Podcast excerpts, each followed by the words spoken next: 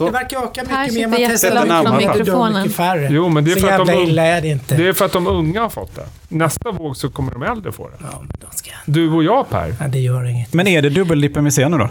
Nej.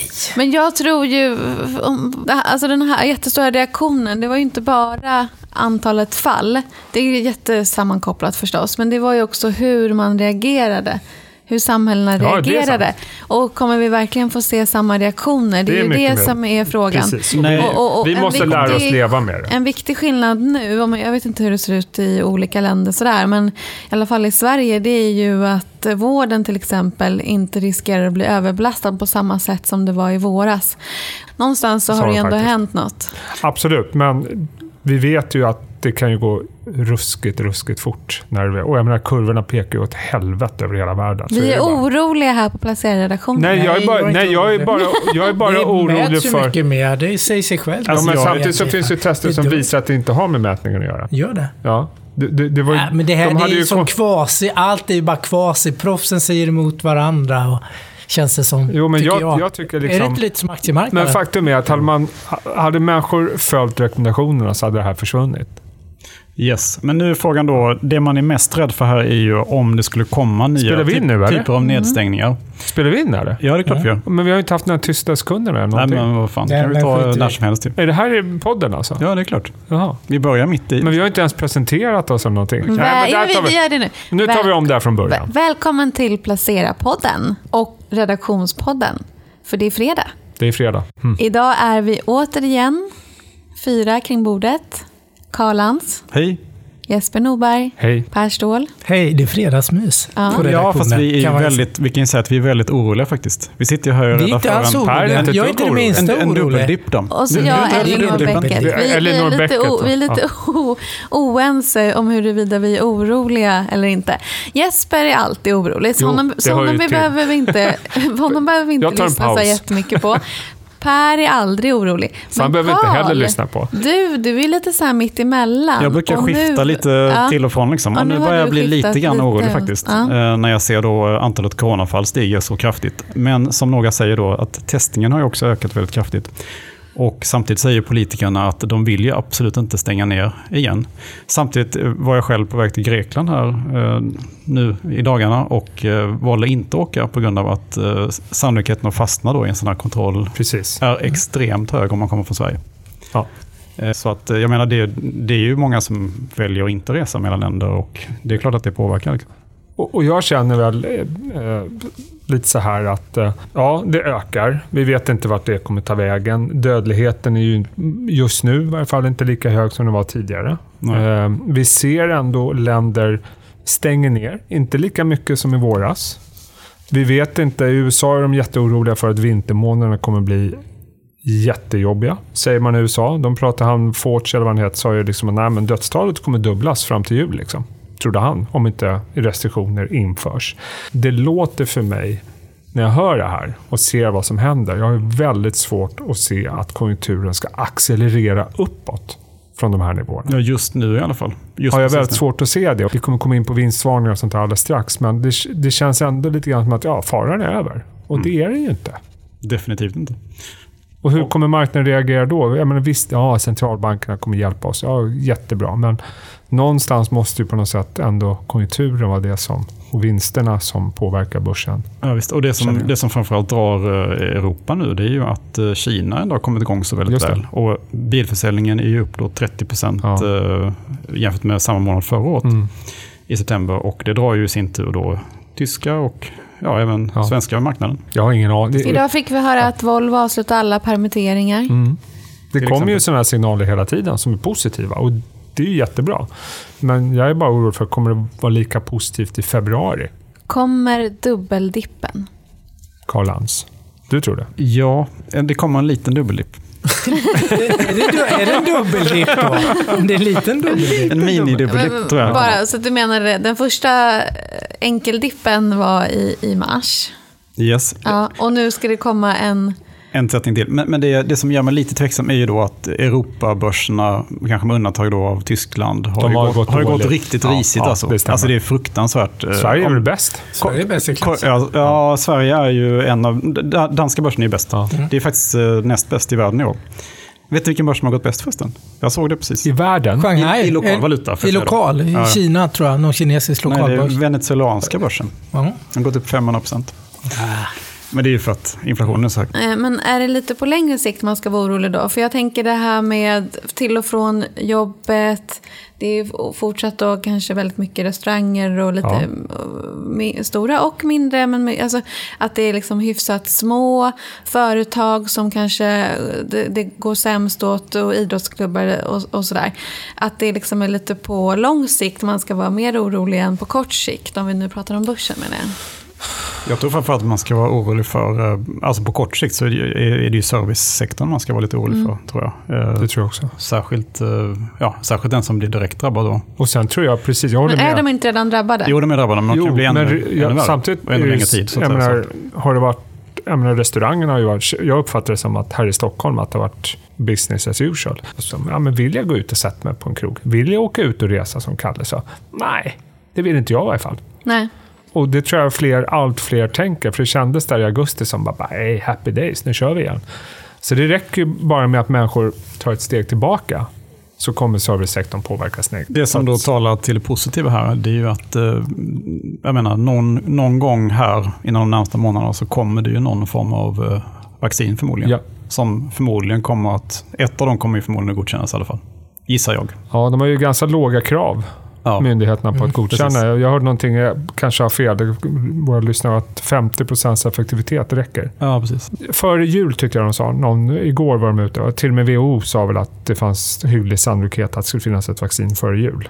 Ja, som är godkänt. Okej, då säger vi att det har 50% effektivitet. Och så säger vi vilka kommer få det i första rundan. Det kommer inte finnas kapacitet för er till 7 miljarder Det är människor. ju sjukvårdspersonal och Äldre, så- de, de som är utsatta grupper. Och det är klart att det kommer hjälpa till då att fler och fler blir immuna. Men, men det är ju inte liksom faran över direkt. Nej, det kommer ju inte vara som, att, som ett trollspö som bara... Nej, det är en bra början. Men apropå dubbeldipp då, om vi pratar om den dippen som vi har haft, så gick det ju väldigt snabbt att komma tillbaka efter den. Exakt, det är det som är grejen. Det kommer ju förmodligen att gå väldigt snabbt tillbaka här också. Då. Mm. Ja, men det kan jag Så att, eh, det kan ju vara ett bra köpläge. Då. Eller Mer, så kanske mer det ser ut som en sån här. EKG, liksom, eh, graf. En dubbeldipp är inte negativ alltså, egentligen för oss som gillar att eh, handla aktier. Då, tror jag. Ja. Mm. Nej, men det, det, det kommer nog bli... Ja, det håller jag med om. Men eh, någon form av eh, stark signal, det får man väl ändå säga att det kommer från IPO-fronten. Och börsen, det är ju all time high nu på Ja, Stockholmsbörsen. förutom det också. Ja, nej, men, det, kan man ju också bli orolig Ja, över. Men det eller finns inte. ju... Eller glad. Ja. Men det har varit mycket IPOer, jättemycket. Och det kommer massor. Mycket inom teknik. Eh, Som slår mig att det är så mycket övertecknat nu. Det var en i slutet på september, var det en jättestor, den största mjukvaru-IPO någonsin i USA. Eh, Snowflake som jobbar med, inom molntjänster. Den eh, blev kraftigt övertecknad. Den steg 100 procent. Steg 100 procent första dagen. Det visar ju hur superstort intresset är och det ska in alla fonder och alla investerare och det, det passar med tidens tecken med covid. eller De här, den teknologin tar ett tigersprång nu. I Polen har det varit en jätteframgångsrik, den största polska IPOn, Allegro, någon vecka sedan. Två veckor sedan kanske. Det är deras Amazon kan man säga. Också enormt övertecknat och nu är det inte bara Östeuropafonder som är där och tecknar. Utan nu är globalfonder och teknikfonder. Så det, det är liksom, många av de här teknikbolagen attraherar mycket bredare målgrupp nu än vad det, Det- har gjort tidigare. då. Det är väl också en av de få länder där Amazon inte har, har eh, lyckats så bra. Alltså Polen menar jag, Ja. så att. Där, där man då har en stor, stark konkurrent i Allegro. Liksom. Sen har vi en, eh, det är nu Kazakstan. Kaspi är ett eh, lite Klarna, Klarna. Kazakstans Klarna alltså. Ja, enormt. Det, det, den ska på Londonbörsen också som- och är jättestort intresse vad jag har förstått. Sen har vi kanske den största IPO någonsin som eh, sannolikt kommer nu under oktober, början på november. Det är ju Ant Group, den här mm, digital betalningstjänst, kinesisk aktör som har halva den kinesiska marknaden, ska på Hong- Hongkongbörsen. Som attraherar alla stora banker med Goldman, Morgan Stanley, Citigroup, JP Morgan och eh, där tror man att market cap kan landa någonstans närmare 300 miljarder dollar. Är. Eh, vilket är i princip är halva eh, Alibaba. Så det skulle bli ett enormt eh, bolag då. Mm. Och nu i Norge kom det senast i veckan en, ett pressmeddelande från något som heter Link Mobility. Det är en eh, Sinch-konkurrent, en norsk Sinch-konkurrens som har funnits sedan 2001. De ska till börsen och de ska ta in 2,5 miljard nog för att göra mer förvärv och så bland annat och eh, satsa pengarna i verksamheten. Eh, jag tittade bland Anka-investerarna. Det hittar vi alla. De här Swedbank är med, TIN Fonder, eh, DNB, Folketrygdsfonden. Och I princip så har de erbjudit sig att ta hela IPOn redan nu. Jag tror 2,3 miljarder garanterar de. Då av 2,5 då. Så det, ja, det är hett. Det är superhett. Det är superhett är det. Mm. Och vi får se vad det blir av det. Så det är ju jättekonstig värld. Här pratar vi att det kanske blir mer nedstängningar. Eh, alla teknikbolagen på alla möjliga börser, allt från Kazakstan till ja, Norge, USA, har en sjuk efterfrågan. Det finns ju massa fler eh, introduktioner också. Som, eh, jag tänker Palantir kom ju också här förra veckan. Ja, men det är ju också AI. Ja, det är, det är, AI, cybersäkerhet. Det är säkerhetstjänst. Ja, med mjukvara. AI säkerhetstjänster. Mm. Så ja. som, som är jätteintressant också. Mm. Sumo Logic också mm. kom ju också. Mm. Som då ska bli det nya Splunk. Mm. Lite ja. lugnare på fronten nu framöver för svensk del va? Ja, vet ni några stora? sidan brukar det komma med ganska kort varsel. Riktigt. Vi har spekulerat ganska... om Nordnet tidigare. Nordnet har du pratat om. Nordnet lär väl komma. Mm. Just det. Och sen är det ju en hel del på de lite mindre listorna och sånt där. Är det ju mm. mycket. Och Nordnet gynnas väl av det du pratar om. Om det ska upp och ner, upp och ner och dubbeldippa, då handlar ju småspararna som galningar. Så courtaget lär väl fortsätta explodera. I... Ja, det finns ju skäl till varför Nordnet vill, Nordnet vill komma till börsen just nu också. Ja. ja. Ska vi fortsätta med positiva signaler? Precis. Ja. Ja. Eh, det har haglat omvända vinstvarningar. Ja, jag tror faktiskt eh, under mina år i den här branschen, sen var det mitten av 90-talet, så nu har jag, mitt minne börjat svikta lite grann med åldern. Men jag tror inte jag varit med om att det har varit så mycket positiva vinstvarningar på kort tid. För att det är nästan mer vanligt än att inte göra det, så att säga? Ja, det är jäkligt intressant faktiskt. Att, uh, vi har, bara om man ser senaste tiden, vad har vi? Bilia, Academedia, Gränges, Duni, Kemira, Hexpool, Pandora, Zalando, Boost, Novo Nordisk. Har jag glömt någon? Det har jag säkert. Ma massor säkert. Eh, jag har dem inte på tungan bara. Så men... det och då har ju då den stora frågan varit, är det för att förväntningarna är så väldigt, väldigt nedpressade? Eller äh, liksom, ser siffrorna helt okej ut? Även ja, nu liksom ett icke-coronaperspektiv. Jag tog ett axplock faktiskt och tittade väldigt hastigt. Det är säkert en kombination. att Förväntningarna Såklart. har ju uppenbarligen varit för låga. Men Bilia, och då jämför jag med resultatet Q3 förra året alltså. Innan pandemin. Bilia resultat upp. Academedia resultat upp. Gränges resultat upp. Inwido resultat upp. Hexpool i linje om jag tolkar rätt. De gav ju ett spann va? På, på vad de trodde resultatet. Jag tror ja, förra årets resultat låg uh, inom det spannet under, förra året. Det var, i, så det kan bli liksom, men i linje skriver mm. Duni tolkar det som att resultatet var ner från förra året. Men de pratade om att återhämtningen går snabbare än väntat.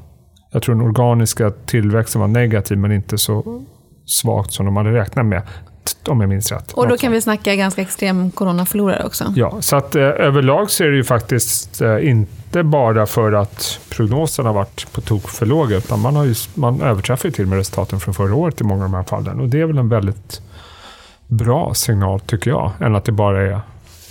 Det hade varit värre om vi slår förväntningar, men fortfarande ner massor mot förra året. I slutändan är det ju faktiskt det som börsen bestäms ja, jag tycker av. Det. Så att, eh, vad, det tycker, och det är dessutom en del av de här bolagen är ju liksom ganska cykliska. Det är mycket mot fordonsindustrin. Har vi. Exakt, och där har vi ju Kina igen. Ja. Att det är så oerhört stark efterfrågan i Kina då på, på nya bilar. Väldigt intressant. Så det är ju en väldigt positiv uh, signal ändå. Det man kan fråga sig inför Q3, vad händer med de bolagen som inte når förväntningarna i Q3? Där kan vi vänta lite. Total, total slakt. Ja, alltså det lär väl inte vara så jättekul för de aktierna. Nej. Så kan man, det kan man tänka Om de inte säger någonting, ja men skitdåligt Q3, men oj vad det ser bra ut första veckorna här i... Och så tänkte en, en, dessutom en, en corona, ny coronachock på det. Just det, din double dip där din på double det. Dip Då jäklar. Nej, men jag tror att de som inte når förväntningarna i det här kvartalet, där mm. kommer det nog bli en del nedgång, kan man nog räkna med, mer än vanligt. Men då tänker jag så här, om det nu skulle vara att många bolag eh, skulle liksom mm. vara i den risken. Då tycker jag att man borde sett lite fler vinstvarningar. Som inte är omvända. Men det, Ja. Eller hur? Men det är ju möjligt att de når upp till liksom det, deras egna estimat, men att det fortfarande liksom, men vad vet jag. Eh, Men det där är ju alltid en fråga, när ska man vinstvarna och inte och så vidare. Så att, eh, nu verkar det lite mode i det där. Men eh, får jag ta upp en annan sak i sammanhanget, double dip då? Ja, det är klart. och, och vinstvarning och sådär. Eh, jag pratade med en eh, kredit en företagsobligationsförvaltare häromdagen. Tyvärr är det alldeles för få som tittar och följer den marknaden tycker jag. När man gör sådana intervjuer. Eh, för att det är fortfarande aktier som är intressant. Och det har jag full respekt och förståelse för. Men att lyssna på de som håller på med företagsobligationer och kredit, det, det är faktiskt inte så dumt att göra det. För det är de, där man ser det först. Ja, men alltså det de, börjar... historiskt sett så brukar de vara ganska duktiga på att se när det händer någonting på upp eller nedsidan. Eh, det vet vi inte minst från finanskrisen. Där var ju de långt före aktiemarknaden och såg vad som var på väg att hända. Men hänger det ihop med att det var just en finanskris? Det kan vara så. eh, Att det var påverkade bankerna då. Och det gör ju, bankerna är ju inte... De, de är ju, klarar sig ganska bra ändå just nu. Det är ju inte ett bankproblem vi har. Då var det... Så det kan ha varit så. Att, men han, jag pratade med vad heter han, Gustav Tegell på, på eh, Enter. Och han sa ju att kreditmarknaden är ett väldigt bra medel för att mäta återhämtningen. Och då tänkte man ju då, vad tyckte han om återhämtningen? Han hade, jag vet att i USA så säger man andra saker, men han menade att man inte såg någonting just nu. Han såg ingen dubbeldipp alltså? Han såg inte någon dubbeldipp just då. Det går ju fort här. Men han såg ingenting som, eh, som just nu signalerade att aktiemarknaden låg fel. eller något sånt där. Eh, däremot, det är intressant, Du vi har pratat i poddar för några veckor sedan där med fastighetsbranschen. Där tror jag liksom att fastighetsaktierna kom tillbaka är en direkt konsekvens av att kreditmarknaden börjar funka för fastighetsbolagen igen. Det tror jag liksom är ett bra exempel på varför man ska titta på kreditmarknaden. Eftersom fastighetsbolagen är så beroende av den marknaden och står för en så stor del av den marknaden, inte minst i Sverige. Så ett lyssnartips helt enkelt. Följ kreditmarknaden noggrannare. Och lyssna och läs vad, vad de säger. Eh, Även om det inte är liksom massa häftiga aktier så är det faktiskt väldigt lärorikt för att förstå marknaden på ett annat sätt. Men så är det generellt, om jag får vara lite bitter. Att just intervjuer, artiklar och samtal med makroanalytiker, makrostrateger och ränteförvaltare har nästan alltid färre tittare och läsare än aktieartiklar. Och det är Du, du får sätta lite så här heta rubriker på dem så kommer läs, läsarna och tittarna att komma in. Liksom. Jag tror jag gjorde det någon gång och då gick det lite bättre. Typ, därför ska börsen krascha. Eller något. Ja, Men, men jag tycker det är synd, för rent utbildningssyfte, om man är intresserad av aktiemarknaden så bör man nog ha lite bättre koll på räntemarknaden också faktiskt. Ett bra tips tycker jag. Mm, men som sagt, det var mycket eh, tech där. Det, eh, vi hade ju en liten techfrossa, men det är såklart fortsatt jättehöga värderingar. Jag tänkte fråga lite, om man nu känner så här, åh, jag vill ändå vara med på den här vägen uppåt, om man tror att den kommer fortsätta, vilket man kanske tror. Vad ska man titta på då? då? Omsättningstillväxt. ja, det är ju det som är hetast i sådana här marknader. Inte minst i Hur, USA. hur tillväxten ser ut. Ehm, Det tycker jag, det, det är väl nummer ett. Hypergrowth-bolag. Precis. Ja. Men och, de är- och de- gärna med eh, stigande vinstmarginal också.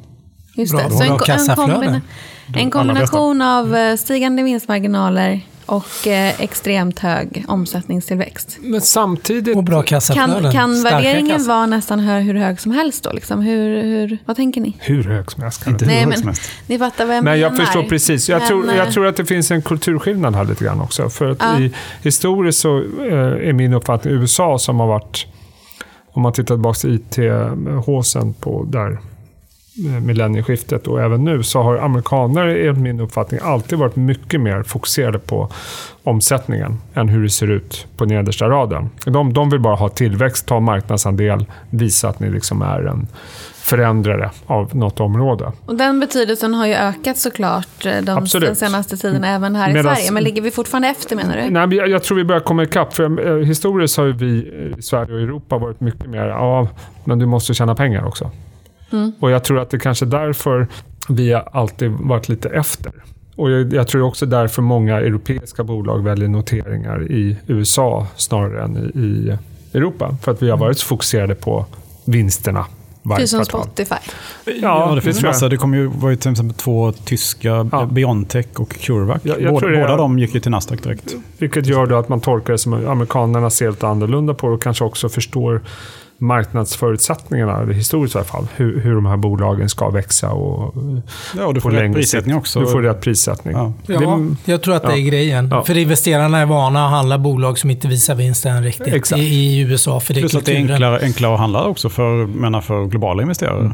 Alla finns där så att säga. Så att, Men, ja, men blir man lite, är man lite onödigt då riskavert om man lägger för stor vikt vid eh, lönsamhet kontra omsättningstillväxt, särskilt då i Det är möjligt att vi är lite mer kortsiktiga på den typen av branscher. Att vi inte ser vad som... Jag menar, titta på Amazon till exempel.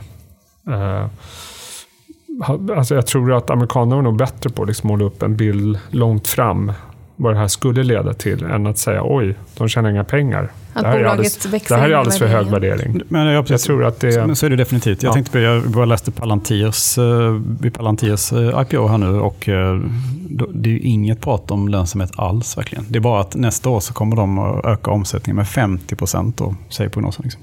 Mm. Och det är bara det man pratar om. Liksom. Mm. Och de har, gör, ju- gör inte vinst så att säga. Det, Nej. det är helt oväsentligt just nu. Ja. Och kommer vara det. Liksom. Om de växer så bra så är det ju liksom... Ja, men vinsten kommer ju. För Ja, det kommer ju förr eller senare. För jag tittar lite på Alibaba nu och de har ju sin cloud, Ally Cloud, eh, som växer 60-70% per kvartal nu. Och har ingen vinst än. Men nu är de på väg. Jag kollar bruttomarginalen var minus 4,8 för ett år sedan. Och i motsvarande kvartal nu när Q, deras brutna, eller brutna räkenskap och Q1 kom ligger den på 2,5 nu. Så snart är den på plus. Liksom. Och jag, det, Jag tror att de har bättre att se dynamik. det. De har, Ja. för, men du kan ju ta massor av de stora techbolagen Ja. i USA. Netflix och Amazon och alla de här. Menar, de hade nog inte varit där de är idag. Om inte, man har tålamod. om man inte marknaden lite- haft tålamod. Och sett liksom, jag menar, Netflix kassaflöden har väl liksom varit skitdåliga Mm. under många år. Men man såg varför de var det. De investeringar som gjordes och så vidare. Så jag tror att de är, De är mycket mer långsiktiga. de är lång, just, man, man klagar alltid på att marknaden är väldigt kortsiktig i vanliga fall. Men just i de här äh, stora techbolagen så tror jag man har varit väsentligt mer långsiktig förståelse i USA än här. Men trenden i, här i Europa och hos oss går ju i amerikansk riktning. Absolut, det håller jag med om. Så är det. Och särskilt jag menar, med tanke på, på eh, noll och minusräntor och sådär, Ja, så, så ja, blir, ju, så blir ju omsättningstillväxten det mycket viktigare. Ja, ska vi avsluta där? Får jag bara en liten fredagshyllning? Ja, Kör. Och det är inte Gary Sundgren den här gången, utan det är Alison Kirk på Telia. För att Nej, men jag tycker bara hon är... Titta, hon kommer in. De, eh, direkt så sker en stor affär. De, de eh, säljer Carrier för vad är det, 10 miljarder. Analytikerna som följde Telia låg väl på hälften kanske. Någon var lite mer. Det är bara liksom, hon är en doer. mm, det är en Hon, hon är så jävla häftig. Ursäkta att jag svär. VD, jag VD kan betyda väldigt mycket. Ja, jag tror att, eh, att hon får faktiskt veckans stjärna. Eller och som en, en vältajmad... eh, Jag köpte Telia för typ en och en halv vecka sedan. Hur är det? Ja. Och nu återför de, uh, uh, går tillbaka till utdelningen efter det här också. Så jag, jag vill inte säga att... Jag skulle säga att det var en ganska tursam timing på det. Du visste vad som var på gång. Du hade känt. Jag Du gör ju bara bra Jag affärer. bara var affärer. Nej, det gör jag Ja, inte. du. Nej, men Nej, veckans inte. stjärna går till Allison. Det är kanske någonting vi ska införa varje Ja, redaktionspodd. veckans stjärna. Veckans stjärna. Ja, Det kan vi det göra. gör vi. Ja, Allison är premiärstjärnan. Grattis, Allison.